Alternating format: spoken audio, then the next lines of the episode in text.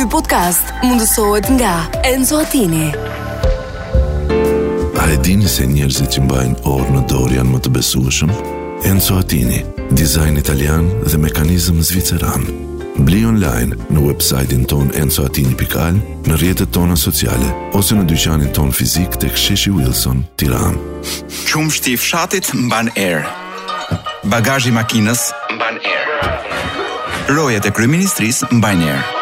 Neoliberalizmi mban erë. Festivalet mbajnë erë. Lakra e zier mban erë. Dosjet e komunizmit mbajnë erë. Plazhet e jugut mbajnë erë. Po ky është një emision? që nuk mban erë.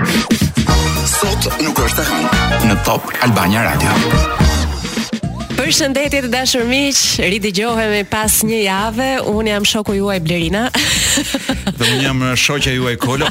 Blerina, pse nuk e ka hapur njeri në Shqipëri emisionin me Alo? Për shembull. Pse Alo? Po kot, është një aloja është fjala më e përdorur në Shqipëri. Aha. Kam iden. Ë, më shumë se sa mami dhe babi e ku di unë ma sill një çik çibukun dhe ku di unë çka ka fjalë të tëra dhe fjali të përdorshme në Shqipëri.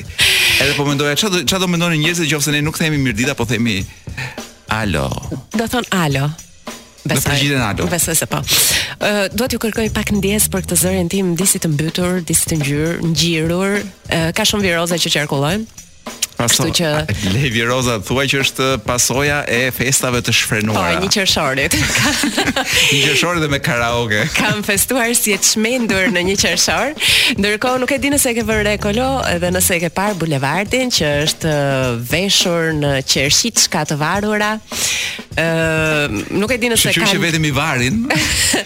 Sepse kështu për të ngrënë s'po na po vjen pra, rasti. Kjo është ideja, meqenëse së fundmi çmimet kanë qenë sidomos qershive shumë të larta, të paktën i shohim të varura të stampuara. Edhe Por gjë e mirë se mund ta harrojmë qershia për shembull. Dhe bën mirë të na kujtojnë. Ke parasysh si dëshmorët për shembull kur i nxjerrim me foto që mos i harrojmë se kjo është foto e dëshmorit, kjo është foto e qershisë. e jo, isha duke menduar për të gjitha fruta perimet që së shpejti do t'i shohim të varura në bulevard. Preshin së shpejti, besoj. E, ditën që do varin kastravecin, unë do zhvendosem përfundimisht nga Tirana. Do shkoj të jetoj në Përmet, ku kastraveci nuk rri kurrë varur, por rri aty ku duhet të rri. Në frigor në frigorifer. Pra Blerina qershori, si me thënë, ka hyrë me këto qershi të marra me gjithë gjërat e tjera. Sot kemi një një inovacion shumë të madh muzikor që sot do e lëmë DJ Kloit të përzgjedh të gjithë listën tonë muzikore. Pra okay. sot ne nuk dimë asgjë se çfarë ndodh, me përjashtim të një Vasco Rossi. Që e kemi Që ka në dorë Kloj prapë edhe atë, po. po faktin e dimë që është Vasco. Po një Vasco e dimë që e kemi domethënë në këtë emision, të tjerat janë të gjitha surprizë nga ana e DJ Kloit. Apo siç e quan veten në në ambiente kështu të errta underground, DJ Kloj, po. Kështu që në këtë pikë jemi njësoj si të gjithë dëgjuesit që janë të sintonizuar në valët e Top Albania Radios në këtë moment, do t'ia lëmë Mbyllni veshët se do lëshojmë muzikën. Dhe ja ku jemi me një pasqyrë të lajmeve ë të fagmave të javës, po atyre nga vendi. Sigurisht, gjërave që i prodhojmë ne këtu brenda, tani kemi edhe një lajm të vockël që e kemi prodhuar ne këtu, po ka ndodhur ka plas, si të thuash. Ne e kemi ndezur këtu ka shpërthyer jashtë. Çfarë ka ndodhur? Ndodhi që kryeministri jonë kafshoi, harroi që është ditë se zakonisht këto kafshime kështu si vampiri i bën natën. Harroi që kishte ardhur dita dhe ia nguli dhëmbët Melonit kështu. Ajo në fakt ka qenë një video që ka qarkulluar goxha, unë u bëra shumë kurioze dhe u mundova ta lexoja të pasqyruar në median italiane të njëjtin lajm dhe në fakt e gjeta në Corriere della Sera ku um, lajmi përcillej me titullin ëm um, përqafimi uh, i dashur dhe plateal i kryeministrit shqiptar Rama ndaj Melonit, ku plateal është Po pra sa desha të pyesja. Një një shprehje. Ku na çon kjo fjalë, po?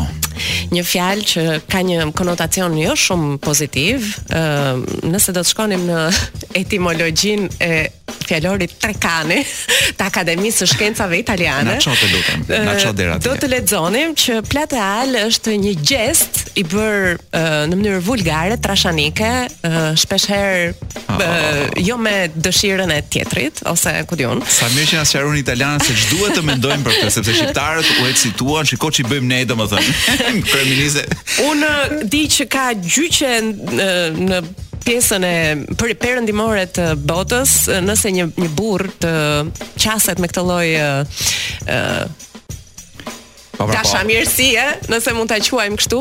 Ku ndodhi ngjarja? Mos vallë kemi qenë në tokë asnjanëse ku kryeministri e di që s'e kap ligji, s'e kapin ligjet e perëndimit. Ndoshta ka besim po... të madh që Meloni nuk është nga ato femrat e tulatura që nuk ka kurajo të që, që nuk i bashkohet lëvizjes Me Too. Dhe që nuk do ta hedh në gjyq. Shpresoj mos na hedh në gjyq për abuzim seksual. Këtë platealizmin si mund ta përkthenim vulgar ndoshta në shqip, po s'është tamam fjala e duhur. Do do kisha dashur të pyesja Institutin e Albanologjisë se si ta si mund ta trajtonin fjalën plateale në shqip, por eh, me kë të flasim atje tashi. Shikoj. Besoj do i fusin ruspën e do e bëjnë pallat.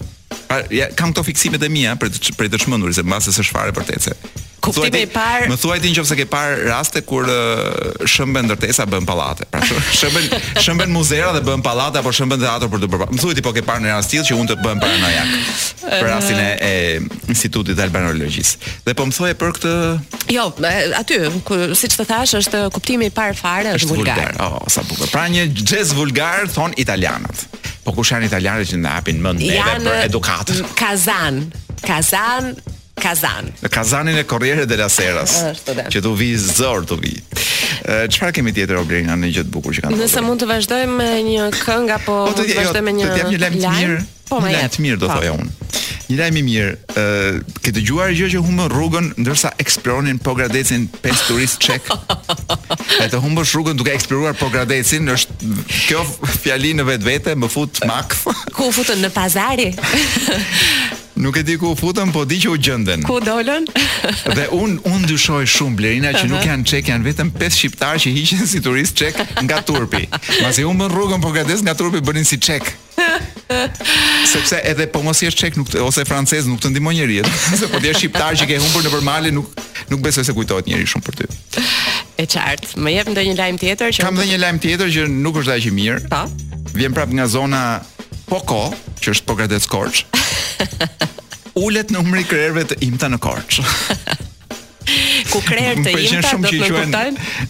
I quajnë dhe të imta, por ama janë krerë. Ë, uh, un tashi Dele besoj. Un që të jemi të sinqertë, me jam mësuar me ulin me uljen e, e numrit të lindjeve. Ëh. Uh -huh. E kam pranuar. I jam nënshtruar këtij fenomeni. Por uljen e numrit të krerëve të imta un nuk e pranoj dhe ky është krim mbi krimet po, Blerina. E po që ta dish. Kam përshtypjen që ka lidhje me emigracionin e kanë filluar të emigrojnë edhe delet edhe dhitë me sa duket. këta këta i bien për nuk shkojnë në Gjermani, këta i bien për shkurt Greqi, Maqedoni, po. Ë, po, po. nëse kemi kohë edhe për një lajm tjetër apo? Po, besoj që po. Duhet të kemi po. Uh, argjentinasi që bëri muralen për Maradonën, nëse ke dëgjuar për të po. si ka. ë ka vendosur të sjelli dhe të bëjë një murale të Mesit në Tiranë. Pra duhet të vij ky që ta bëjë sepse kush, ne na janë tharë duart neve do është është vështirë ta ta vizatosh Mesin në mur.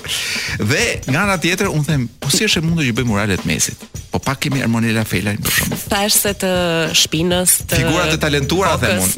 Domethënë, po kemi Bledi Çuçin. Po, pa dhe Taulant Balla një murale në Cërrik ndoshta do e meritonte. Shkojnë zgjedhin Mesin, pra ne kemi Mesët e Tiranës, po, që mund pra, në mes të Tiranës. Këllqet tona kemi. Dhe kjo, në kuadër të bashkëpunimit dhe javës kulturore të kujt është kë, kjo ndërhyrje artistike? E po flasim për Maradonën, për këtë për Mesin. Pse? Do që të thellohem tek lajmi, se thellohem unë nuk nuk, nuk përtoj për ty. Ë ky zotëria është artisti nga Argentina thuhet. Argentinas pra. Ë me emrin Maximiliano Bagnasco. Ka ardhur në Tiranë ka ardhur rastësisht, po befas i thanë hajt bëj edhe këtë punë këtu. dhe ë po vizaton portretin e Mesit. Për këtë i kanë vënë në dispozicion siç po shoh këtu. Bojra, po, I kanë vënë Jo, i kanë vënë, i kanë vënë jo një shkallë, i kanë vënë një vinç. Ëh, uh, aha, e kuptova. I cili nuk besoj se është i bashkisë, po do jetë marrë me qira nga bashkia. E qartë. Supozoj unë. Mirë, ëh, uh, që të mos zgjatem shumë me fjalë, besoj që është radha e Kloit të flasë me tinguj muzikorë. Duke edhe... shpresuar që s'do këndojë vetë. Jemi rikthyer me librin e javës, libri i kësaj jave, sikurse edhe i dy javëve më parë është libri i Vincent van Gerven Oei, është një Po. Zotri që jeton në Shqipëri prej holandez, shumë vitesh tashmë. Po, më duket se u bë 10, mos më shumë vite që jeton në Shqipëri.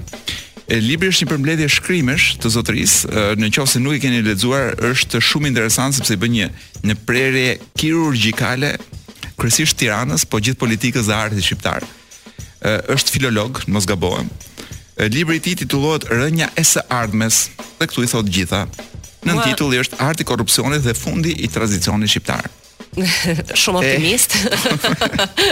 në këtë nëntitull, ë më pëlqeu shumë javën e kaluar ë pjesëza që kishe që shkëpute ti që rrëfente mbi muzeun e ë Bunkartit, muze në thonjza, Ë, nuk e di nëse do të vazhdojmë në atë linjë apo Unë kapa si rastësisht një titull që thoshte Rama e ka humbur besimin tek arti, një shkrim i 25 janarit të 2019-s. Prandaj ka filluar para Covidit. Të um, pikturojë vetë, të bëjë skulptura. Ja të shohim se ç'na thotë Vincenti. Ja, ja të shohim se ç'na thotë Vincenti. Është po. Ë është në faqen 101, mos mos harroj të them që ky botim, kjo përmbledhje është është botuar nga shtëpia botuese ime e preferuar që është Pika pa sipërfaqe, një nga të preferuarat e mia. Dhe çmimi i librit është 1500 lekë të reja. Rama e ka humbur besimin tek arti. Shkrim i 25 janar 2019 Një nga marifetet e zakonshme të Ramës në vitet e para si kryeministër ishte të ndërthurte udhëtimet zyrtare jashtë vendit me çeljen e ekspozitave me punimet e tij artistike. Më 2015-n ai çeli ekspozitën Burbuqe Kalendari, në anglisht Calendar Blossoms, në Akademinë Jao Tsung-I në Hong Kong, kur zyrtarisht mori pjesë në forumin e tregtisë dhe investimit Hong Kong Shqipëri. Në 2016-n çeli një opozitë në Galerinë Marian Goodman, në New York, e cila për fat përkoi me zhvillimin e Asamblesë së Përgjithshme të OKB-së.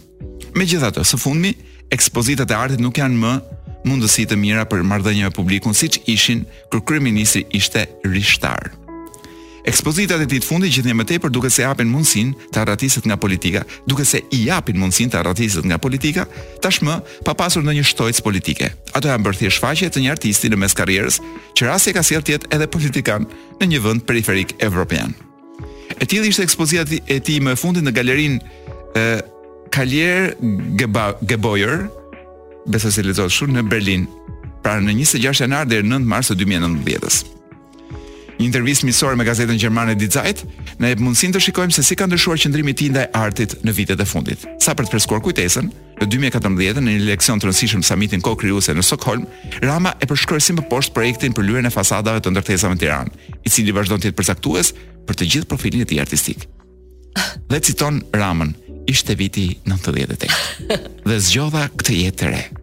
Mendova se e varrosa piktorin brenda vetes. Por jo. Por pas dy vitesh kandidova për kryetar i Bashkisë së Tiranës. Fitova. Të bëj, të bëj. Fitova dhe pashë se qyteti përballej me kaq shumë sfida.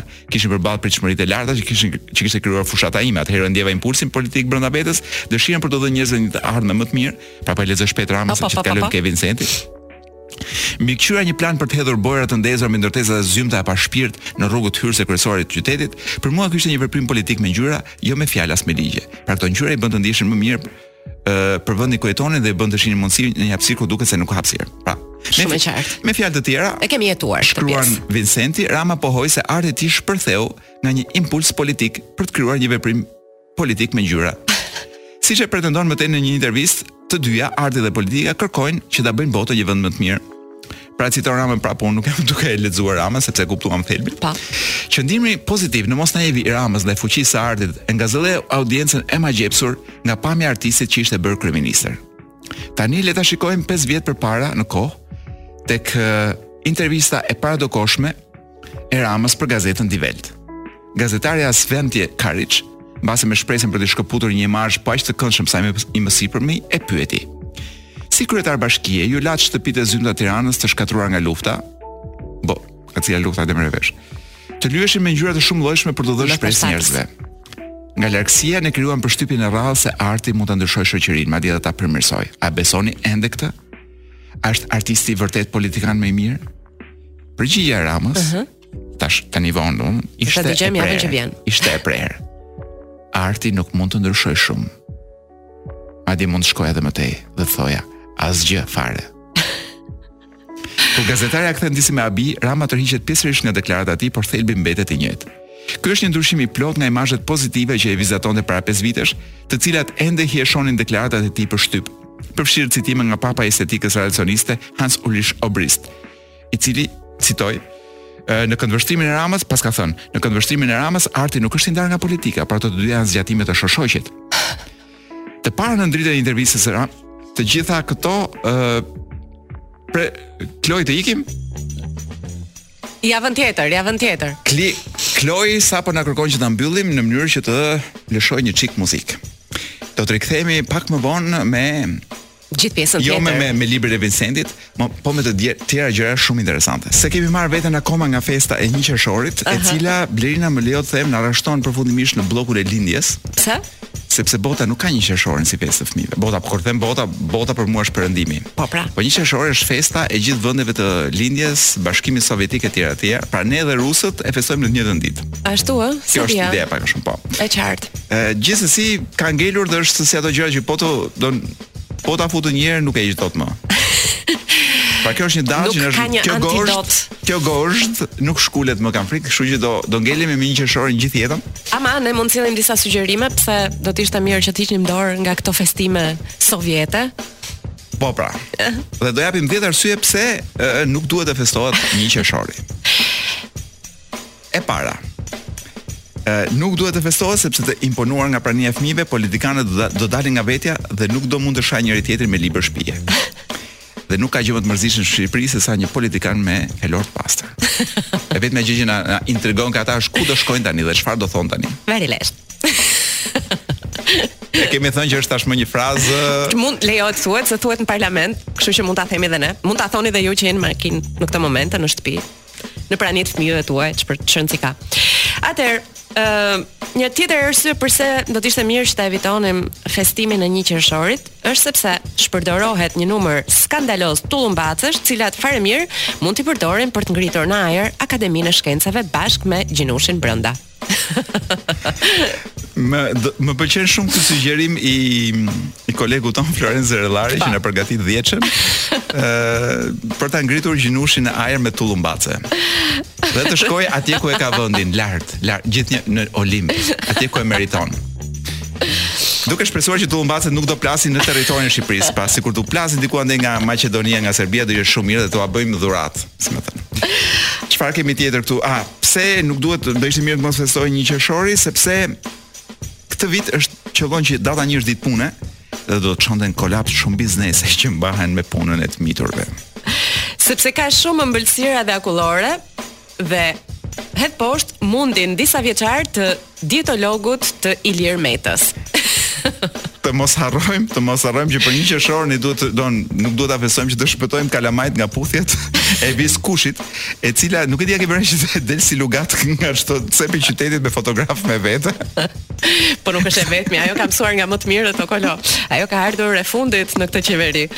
Ka hap të tjerë pararendës. Po na del për një qershor, më na del për po një qershor. Po prit se ka dhe një figurë tjetër Që del dhe i djersitur madje në Parkun Rinia ah, po. me fëmijët. Është zoti president, kështu që një tjetër arsye do të ishte për të evituar dhe këtë skenë. Atë presidenti nga ta ketë atë djersën, e ka të stimuluar pra sa bën fotografi. Ja pa besoj, një qershor. Ah, nuk është se do të tregojë që punon shumë.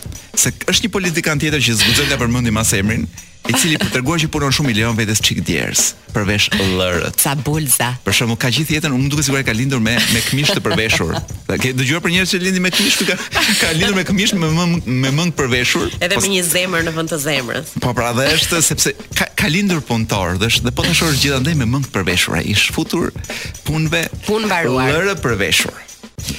Kur e ka radhën? Po, jepi ti. Të jap unë, po. Ë, Arsyeja sepse ne mund të, ose nuk duhet ta festojmë më 1 qershorin është sepse tashmë po mbarojnë dhe animatorët shqiptarë. Domethënë uh, ka ardhur momenti, besoj unë që po të heqim atë ke parasysh se si vishen këta si Bugs Bunny si si uh, vishen si bletë punëtore, domethënë këta animatorët po ta heqësh unë vë bas që është një nga Sri Lanka aty poshtë. Do nuk besoj se ka më animatorë shqiptarë. Një tjetër arsye dhe besoj që për mua do të jetë e fundit është sepse mm, një qershori kthehet në një ferr logjistik, siç thotë Florenci, dhe e fut qytetin në kaos, ku skenari më i rrezikshëm është bashkimi i fëmijëve të varfër dhe lypsit me- dhe lypsave me fëmijët e pasanikëve. Pra duhet t'i mbajmë veç e veç. Po. Siç ka qenë Nuk tradita në mund Shqipëri të prej kohësh. bashkojmë në një qershor.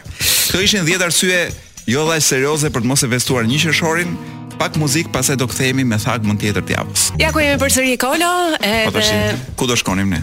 tani meqense ne hallet i qajmë kështu në në si i thonë, Mbas ë, mbasi ka ndodhur. Ja vetëm kur do është ajo shprehja mbas si kofini mbas të vjeli, Fiks. ë, që unë s'e kam kuptuar kurrë ë, Kush është kofini? Dhe kush është i vjeli? Domethënë i vjeli, të vjelin e kuptoja deri diku, po Kofini mendoja që ishte një njeri në fakt. Po në në të vërtet ç'është Kofini? Unë dyshoj që Kofini e dashur Blerina është, është një kulturë agri, agrikole. jo, mendoj që është ajo uh, shporta ku mblidhet rrushi, dyshoj unë. Po. Okej. Okay. Kush ja mund tash të të dijë gjëra që kanë të bëjnë me të vjelin si puna kofinit. Mirë, po unë kur isha i vogël kujtoja që ky kujtoja që ky kofini ishte një burrë që vinte gjithmonë vonë i shkreti dhe nuk gjente rrush. Sepse rrushi rrushi ishte vjelë. Ose... Dhe më rrinte, dhe më rrinte si teori, domethënë, nuk doja të isha një kofin si zoti kofin edhe. Atëherë Kolo, përveç një qershorit, një tjetër datë e shënuar këtë javë ka qenë data 2 qershor, që është Festa e Republikës së Italisë, po do thuash ti pse është e rëndësishme për Shqipërinë? Është shumë e rëndësishme për Shqipërinë. Blerina e di që është shumë e rëndësishme. Unë njoh një njeri që për cilin kam një respekt shumë të madh. Është një zotni burrë që mban një kapelë Republika. Ka dhe përforcues, pra bokse muzikore përforcues. Uh -huh. E vë e vë, unë e shoh herë pas herë e shoh diku në bulevardin kryesor të Tiranës që këndon vetëm këngë italiane. Ah, sa i mirë. Se ç'i bie një fizarmonike, do ka dhe një ku di unë, ka dhe një do të ketë dhe një bazë muzikore, më duket. Edhe i bie vetëm këngë italiane. Domethënë, ç'të ç'të duash nga këto të para 2000 viteve, me Toto Cutugno, me Albano e me ku di unë. Sono un italiano, un italiano po. vero.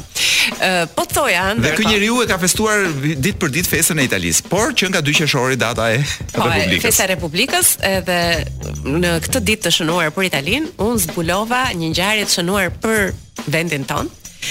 Ë, por që nuk... Ai akuedukti jo? Po, ajo është vepër madhore. Po flasim për vepra të më të vogla, megjithëse mendohet që do të lëmë pa gojë dhe pa fjalë po, po, po. të gjithë botën. E ke parasysh ku është ambasada italiane aty përballë radio televizionit shqiptar? E kam parasysh po. Ajo ndërtesa klasike disa, e po. disa viteve përpara. Nuk i ka ndodhur asgjë nga tërmeti, por uh, lexova dhe mësova që do të shembet ajo dhe ne aty Kolo, e di çfarë do bëjmë. Një pallat me një ambasadë brenda. Jo more, nuk e di, mbase mund të bëjmë dhe pallat, por e sigurt është që ne aty do ndërtojmë ambasadën italiane më të bukur të botës. e thënë nga kush? vras vras mendjen. Gjeje pak. Pra kush është ky njeri i cili befas ka vendosur të sfidojë gjithë ambasadat italiane të botës? Kudo në botë. Dhe çfarë është më e rëndësishmja dhe që më pëlqeu shumë. Është ai më miri prej nesh ai? Ai ai. Ëh, okay. uh, që tashmë gjen mbështetjen, mjafton që ai të flasë dhe asnjë nuk vë në dyshim dhe në diskutim asgjë.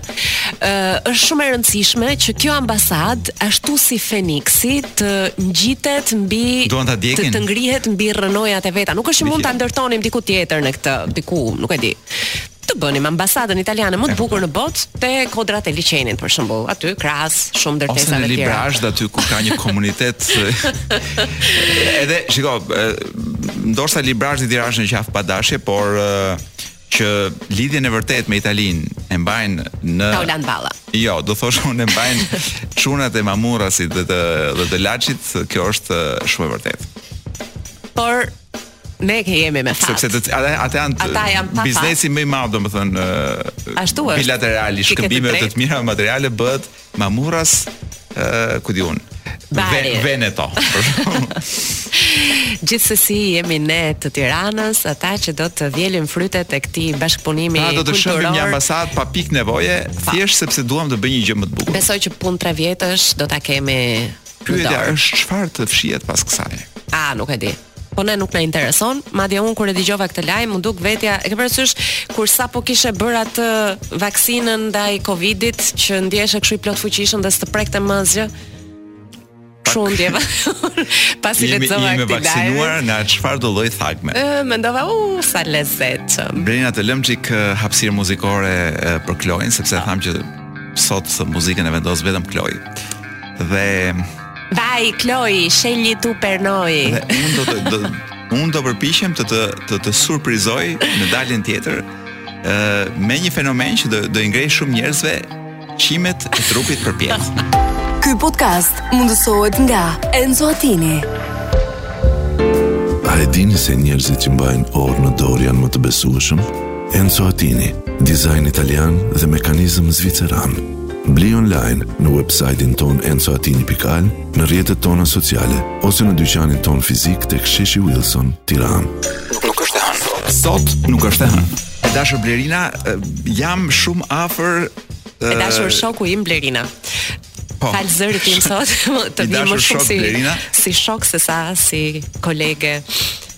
Më duhet të them që ëndra ime është shumë afër realizimit. Që do të thotë? Të hedh lavatriçen nga balkoni i katit të gjashtë. Mm, do ta zëvendësosh? Sepse po ngrihet një lëvizje që është lëvizja e moslarjes së rrobave. O, oh, y, ah. është një lëvizje, jo vetëm lëvizje, po ka edhe organizohen edhe konventa, kongrese etj etj. E kemi ne te sigla rrobat e palara mbajnë erë Ashtu de. Le të flasim për këtë gjë. Rrobat e para punës rrobat prishen një herë. Duke i larë vazhdimisht. Edhe të prishin më. E dyta, e dyta punës, rrobat çdo rrobë që lahet, lëshon nga këto thërrmijat e veta të tekstilit të huaj, që janë shumë të dëmshme. Të gjitha këto shkojnë futen në futen në tokë, shkojnë te peshqit dhe ja i hamë ne. Bashkë me peshqit. Pra ne hamë të gjithë këto rroba që lajmë, domethënë gjithë gjithë gjithë tekstilet që ikin nga rrobat tona, kur hollohen domethënë ato, ju mendoni që zhduken i ha dheu, nuk i ha dheu, i hamë prap ne. Aha. Ë dhe planeti ndërkohë po shkatërrohet sepse lar ne nuk e kemi vrarë mendjen ndonjëherë se sa dëm i bën planetit gjithë këto makina larëse dhe gjithë ky ujë që harxhohet për të larë rrobat tona. Kështu që ka një lëvizje të plotë, ë të mirëfilltë. Artistësh është ambientalistësh. Po të them për shumë, jo, ja njerëz të lloj-lloj kulturash, do thoja po. un, por ndër ta qenka edhe vet madam Stella McCartney. Një dizajner po, stiliste shumë e famshme. Po, e cila thotë që un në qoftë se rrobat nuk mbajnë erë, thotë un nuk i laj. Pra unë i laj vetëm kur nuhas e shoh që mbajnë pak erë. Dua të them vetëm që sidomos xhinset thotë kjo për shembull çfarë arsye ke t'i lash xhinset pas tre të veshur. Atë as ne nuk e bëjmë. Zëre se jemi Stella McCartney. Por dua të të kujtoj Kolo që Stella përveç se i qep vet rrobat e veta, i bën edhe me materiale të rafinuar që variojnë nga mëndafshit e Po Blerina kush të pengoi të qepësh të qepësh rrobat e tua? Me, me mëndafshin e vjetër të, të rrobave të gjyshes. Ashtu është. Siç kemi bërë gjithmonë që shqepnim xhaketën e babait dhe bënim pantallona për çunin e vogël. Por po të veshësh këto riciklim rrobat me poliuretan ose nuk e di, janë ca fjalë kështu me nga 17 përbërës kimik që un as nuk i shqiptoj dot domethënë. Është vështirë që ti mbas 2 orës të mos kesh djersirë dhe të mos të vijë erë emisioni. Tani, uh, njerëzit, njerëzit kanë filluar, uh, këta njerëz sigurisht që shqetësohen pak. Por thonë që po t'i lësh në e, në, në ajër të pastër, pastrohen, ë uh, dhe ka edhe nga ata që sugjerojnë për shembull që mban një çikë djersë. Hidhi, hidhi pak vodka. Oh, wow. Po, dhe vodka na i bëka edhe mirë rrobave sipas këtyre. Kanë plasur edhe sfida, challenge. Aha. Uh -huh. Të tipit kush i mban 100 për shembull një bluzë leshi është është një kompani që prodhon kështu ato të merinos, rroba do të veshësh prej merinoje, kanë shpallur këtë sfidën, kush e mban të njëjtën rrobë 100 ditë veshur. A Po them, po mos ishim kaq të zënë me punë Blerina, unë do doja t'i bëja të gjitha sfidat e këtyre. Kam dëgjuar që kryeministri jonë ka qenë pionier i moslarjes së rrobave. Thonë që ka ndenjur 2 vjet pa larë, gojëliga.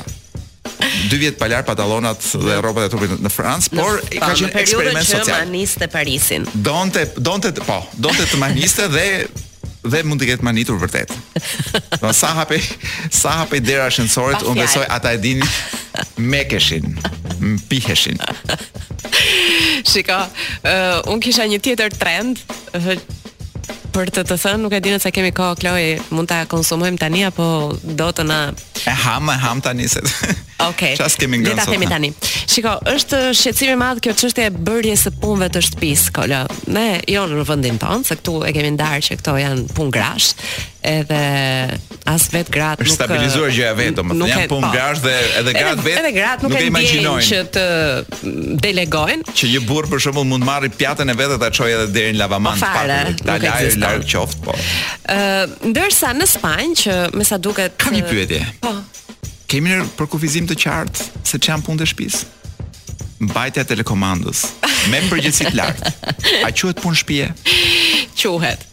Dhe me gjitha të Sepse dhe peshon një çikë ai dreq Nuk, nuk është Kur e mban për po, disa orë në dorë Për muskujt e krahut Bicepsin Kur e bë mban për disa orë në dorë Të fillon dhe të mpihet e, e, fillon, po, Bicepsi të, të, tricepsi Të krijohet edhe një muskul këtu te gishti tregues Ose te gishti i madh duke e shtypur është një muskul i posaçëm Ë, ndërkohë në Spanjë vetë qeveria Kolo Imagjino, vetë qeveria ka menduar që të ndihmojë në ndarjen më të barabartë, le të themi, të punëve të të shtëpisë, pasi kanë vënë re që e, gratë shpenzojnë dyfishin e energjive të tyre, pra e, bëjnë dyfishin e punëve të shtëpisë, Po sigurisht, se lajnë të vetat, lajnë dhe të burrave. Fshijnë të vetat, fshijnë dhe të burrave. E di ç'kanë menduar? Por këta spanjollët e zgjidhën problemin e e grave që kanë urdhër mbrojtje dhe nuk i mbron dot askush me urdhër mbrojtje dhe shkon i vret ish burri ose ish i dashuri. E zgjidhën këta ato apo? Problem spanjoll ky. Jo, ky është problemi i joni. Por unë mendova me gjithë këta çuna që kemi çuar në Spanjë për shpitë e barit, mendova që kemi eksportuar dhe problemin. Po nuk jo. nuk e dija që paska. Po jo. çfarë çunat e shpive të barit na vijnë nga Spanja me Jo, po jo sepse aplikacionin që thua ti. dhe kthehen si ti e dhe bëjnë punë shtëpie kur vijnë këtu. Shqiptarët në emigracion martohen me vajza nga Shqipëria që i lënë në Shqipëri dhe vazhdojnë të jetojnë vetë në emigracion. Kështu që nuk ka se si ta zbatojnë në kurbet. Në kurbet. Këtu do të gjitha. Ndërsa po thoya që ky aplikacioni do vijë nga shtatori edhe të gjithë ata që do ta shkarkojnë do të mund të mbajnë të të regjis. Eh, nuk e di. Ja, do ta do ta mbaj shënim. Më kujto në shtator. Të kujtoj. Pse ke hall që të barazohesh? Un kam frikë se jam përpara me punë të shtëpisë Berina dhe Un ndjej ndjej që ka një disbalancë sepse burri im në shtëpi. Po mos flasim për për kto familjet tona do. mos e bëjmë personale çështjen. Hajde Kloe na ndihmo. Por burri im më kalon shumë punë kurrës. Dhe do doja vërtet t'i masja. Sa bën njëri, sa bën tjetri. Ja ku jemi tek fjalori i gjuhës së sotme shqipe. E kush na heq, kush na shkul që këtu. Në laptopin tim.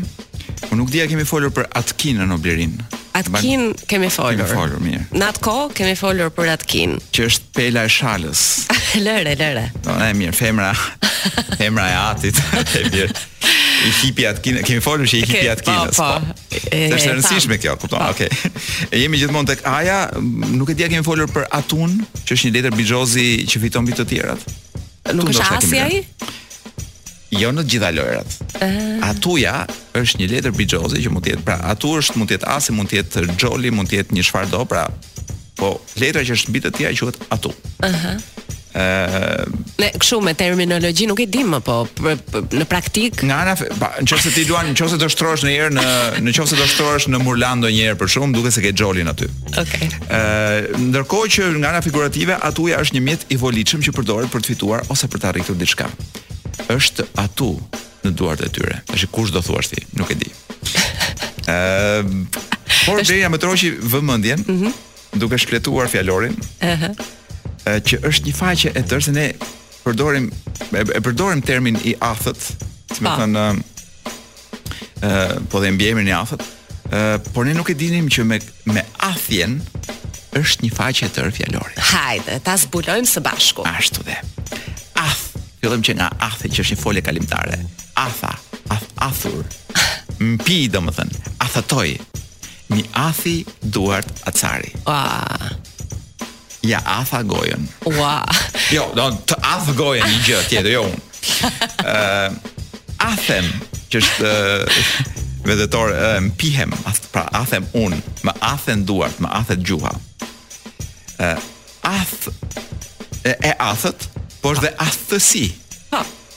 Jo eh, aftësi, athtësi. Athtësi, athtësi. uh, kemi uh, mbiemrin pra i athët, që është me shumë shpjegime këtu. Uh, madje kemi edhe nga ana figurative është uh, që nuk duron ta prekë, zemërak, idhnak i ashpër, pra është djalë i athët. Po, e themi edhe këtë. ë kemi athëtimin që është veprimi sipas kuptimit të foljeve athtoj apo athtohem. Kemi athëtimën. Athëtima tani uh -huh. është i ftohtë, i thatë me erë të mprehtë. Pra themi thëllim, po mund të kishim thënë edhe athëtim. E qartë. Ashtu. Dridhe nga athëtima. Uh -huh. Athëtira është diçka që ka shije të athët, gjë e athët, pra shije athët. ë kemi edhe athëtohem ë kur diçka bëhet e athët, pra merr shije të athët, u athëtua vera. Po. ë pastaj kemi edhe nga ana figurative nuk më vjen mirë, pra kur athëtohem. Athëtova nga dikush. Dhe pastaj kemi athëtoj, pastaj kemi athëtor. Që është një athëtor? Është i athët. Kumbull athëtore. Okej. Okay. Gocë athëtore. Djalë athëtor. Po. Për Ose e athëtuar që është bërë athët pra. Kemi edhe athjen, a jo athja s'ka lidhe me këtë. Athja është në botanikë, është na qenka një gjë. Athja duhet të jetë një bimë. Barisht, jo, athja dhe ath, pra athja dhe athjes janë dy bimë. Barishtore, Është e njëjta gjë. Bimë barishtore njëvjeçare me trup të vogël e të degëzuar me lule ngjyrë trëndafili, të verdha a të kaltërta. Po si metaforë mund të jetë shumë e bukur për një vajzë. Po. Jo, këtu thuhet te shembujt se po lexoj këtu pra. Au, oh, prit, prit, prit, sepse kjo athja uh -huh. si bimë Na qenkësh me pra me lule të verdha të kaltërta dhe me gjemba të mprehtë e të helmët që ka ferr. Kështu që nuk, nuk ja vlen me thënë për një gocë që kjo qenka një athja, kjo ja. gocë, po. Sepse uh, po lexoj që edhe gruri mund ta haka këtë athjen. Pastaj kemi athtësinë, na kishte hyrë kjo athja në mes. Kemi athtësinë, athtësimin, athëtuar Pastaj vazhdon fjala audiencë, po le ta lëmë tek audienca. Le ta lëmë tek audienca jonë. U aullim. Se do i shohim herën tjetër. E kemi lënë mbaj mend, e kemi lënë tek aullima. Te audienca. Po. Dhe do ta fillojmë me fjalën aullim, në javën që vjen. Ky ishte fjalori për sot. Unë jam pa fjalë. Unë jam fare i athët. Ëh, do të shkojmë me një. Ëh, do të shkojmë me një. Tjetër këngë që uh, do të na ndihmojë Kloi në këtë moment. A, a mund të të lutem mos kthehesh për të parë Kloin se ke një tendencë për t'u kthyer, po ndërkohë që je dhe pak si me virozë. Po, jam me shumë virozë. Uh, shof që je edhe ngjirur një çik se karaoke nuk të ka bërë mirë. Jo, një qershor. Një qershor e çmenduria një qershor. A mund të të lutem që mos kthehesh nga Kloi se ia bëj edhe unë me shenjë. Okej. Okay. Që mos të lodhesh. Jepi, jepi, thuaj, ngre dorën. Si ashtu de, jepi Kloi. Pra po i bëj shenjë sikur Kloi është matanë rrugës. Tani kemi mbërritur në atë momentin ku Blerina na shokon me një pakon javore. Nga një një fjalë që mbi të tjerat, një fjali, një shprehje që mbi të tjerat ka ngritur krye, edhe ti e di që një ndër ngjarjet më shqetësuese nuk e di nëse mund ta them, të javës së kaluar ka qenë shkrirja e akademisë Institutit të Albanologjisë, po. Po, po shqetësuese për ne të dy. Së studimeve albanologjike po, pikërisht. Po, jo për shumicën e votuesve shqiptarë. Absolutisht. E megjithatë, megjithëse dikush mund ta ketë quajtur si sulm, ë ka dalë zoti kryetar i Akademisë së Shkencave, po. i Olimpit. Po. Doli Zeusi i, i Akademisë. Dhe ka ngritur mburojën. Pasi ka ngritur vetulla. Mbu... Se u ngre vetull pra ai do të të me të gjithë. Ai nuk ka vetulla.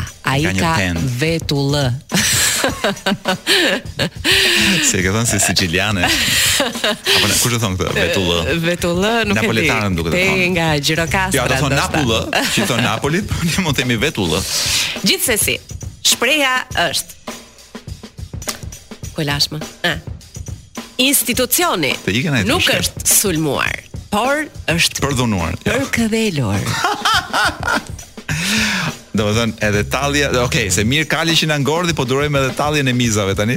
Më vjen shumë mirë, uh, unë besoj kjo arroganca e pushtetit është uh, s'mund pushton s'mund shpëton edhe zoti Gjinushi nga kjo. Dhe besoj që me këtë fjalë, me këtë uh, ide të sulmit dhe përkëdheljes, mendoj që shumë së shpejti, shumë shpejt do të përkëdhelen dhe shumë institucione të tjera. Sigurisht, është këtë përkëdhelje të të moshave të mëdhaja, si Gjinushit, e kanë provuar kalamajt e vegjël prej kohësh, por nuk është nuk nuk, nuk ka qenë përkëdhelje. Ka qenë krime kundër të miturve, po nejse. Kështu që ai mund t'i thotë përkëdhelje përdhunimit, po prap përdhunim ngelet. Ë Blerina, a mund të të, të marrim pak një shkëputje shumë të vogël po. sepse unë dua të të flas për një trend ë një trend seksual, se kemi kohë që flasim për seksin këtë emision. Me shkon shumë me këtë lajm. Jo, do bëjmë çik pauzë sepse nuk dua që të lidh ë zotin Gjinushi me seksin. Ashtu të. Sepse do ta shpifnim seksin shqiptarëve për shumë kohë. Edhe as Akademinë e Shkencave me studimet mbi seksin për shembull. Momenti i studimeve mbi seksin. Momenti i së vërtetës. Ta them me një fjali pastaj ta zgjeroj? Hajde. Apo të flas shu në përgjithësi dhe ta them në fund? Jo, jo. Un e do ballit. Mua nuk më pëlqejnë këto, si i thon preliminaret. Po. Prina më duhet të them që një studim i kohëve të fundit ka treguar që burrat kur shkojnë nëpër funerale, nëpër vakira, eksitohen. Dhe jo vetëm, dhe jo vetëm, 80% e tyre mban një prezervativ në xhep. Çfarë thua? Ah, ashtu të bëri. Dhe ë oh, uh, sa studim i bukur. Arsyeja thon për çdo rast.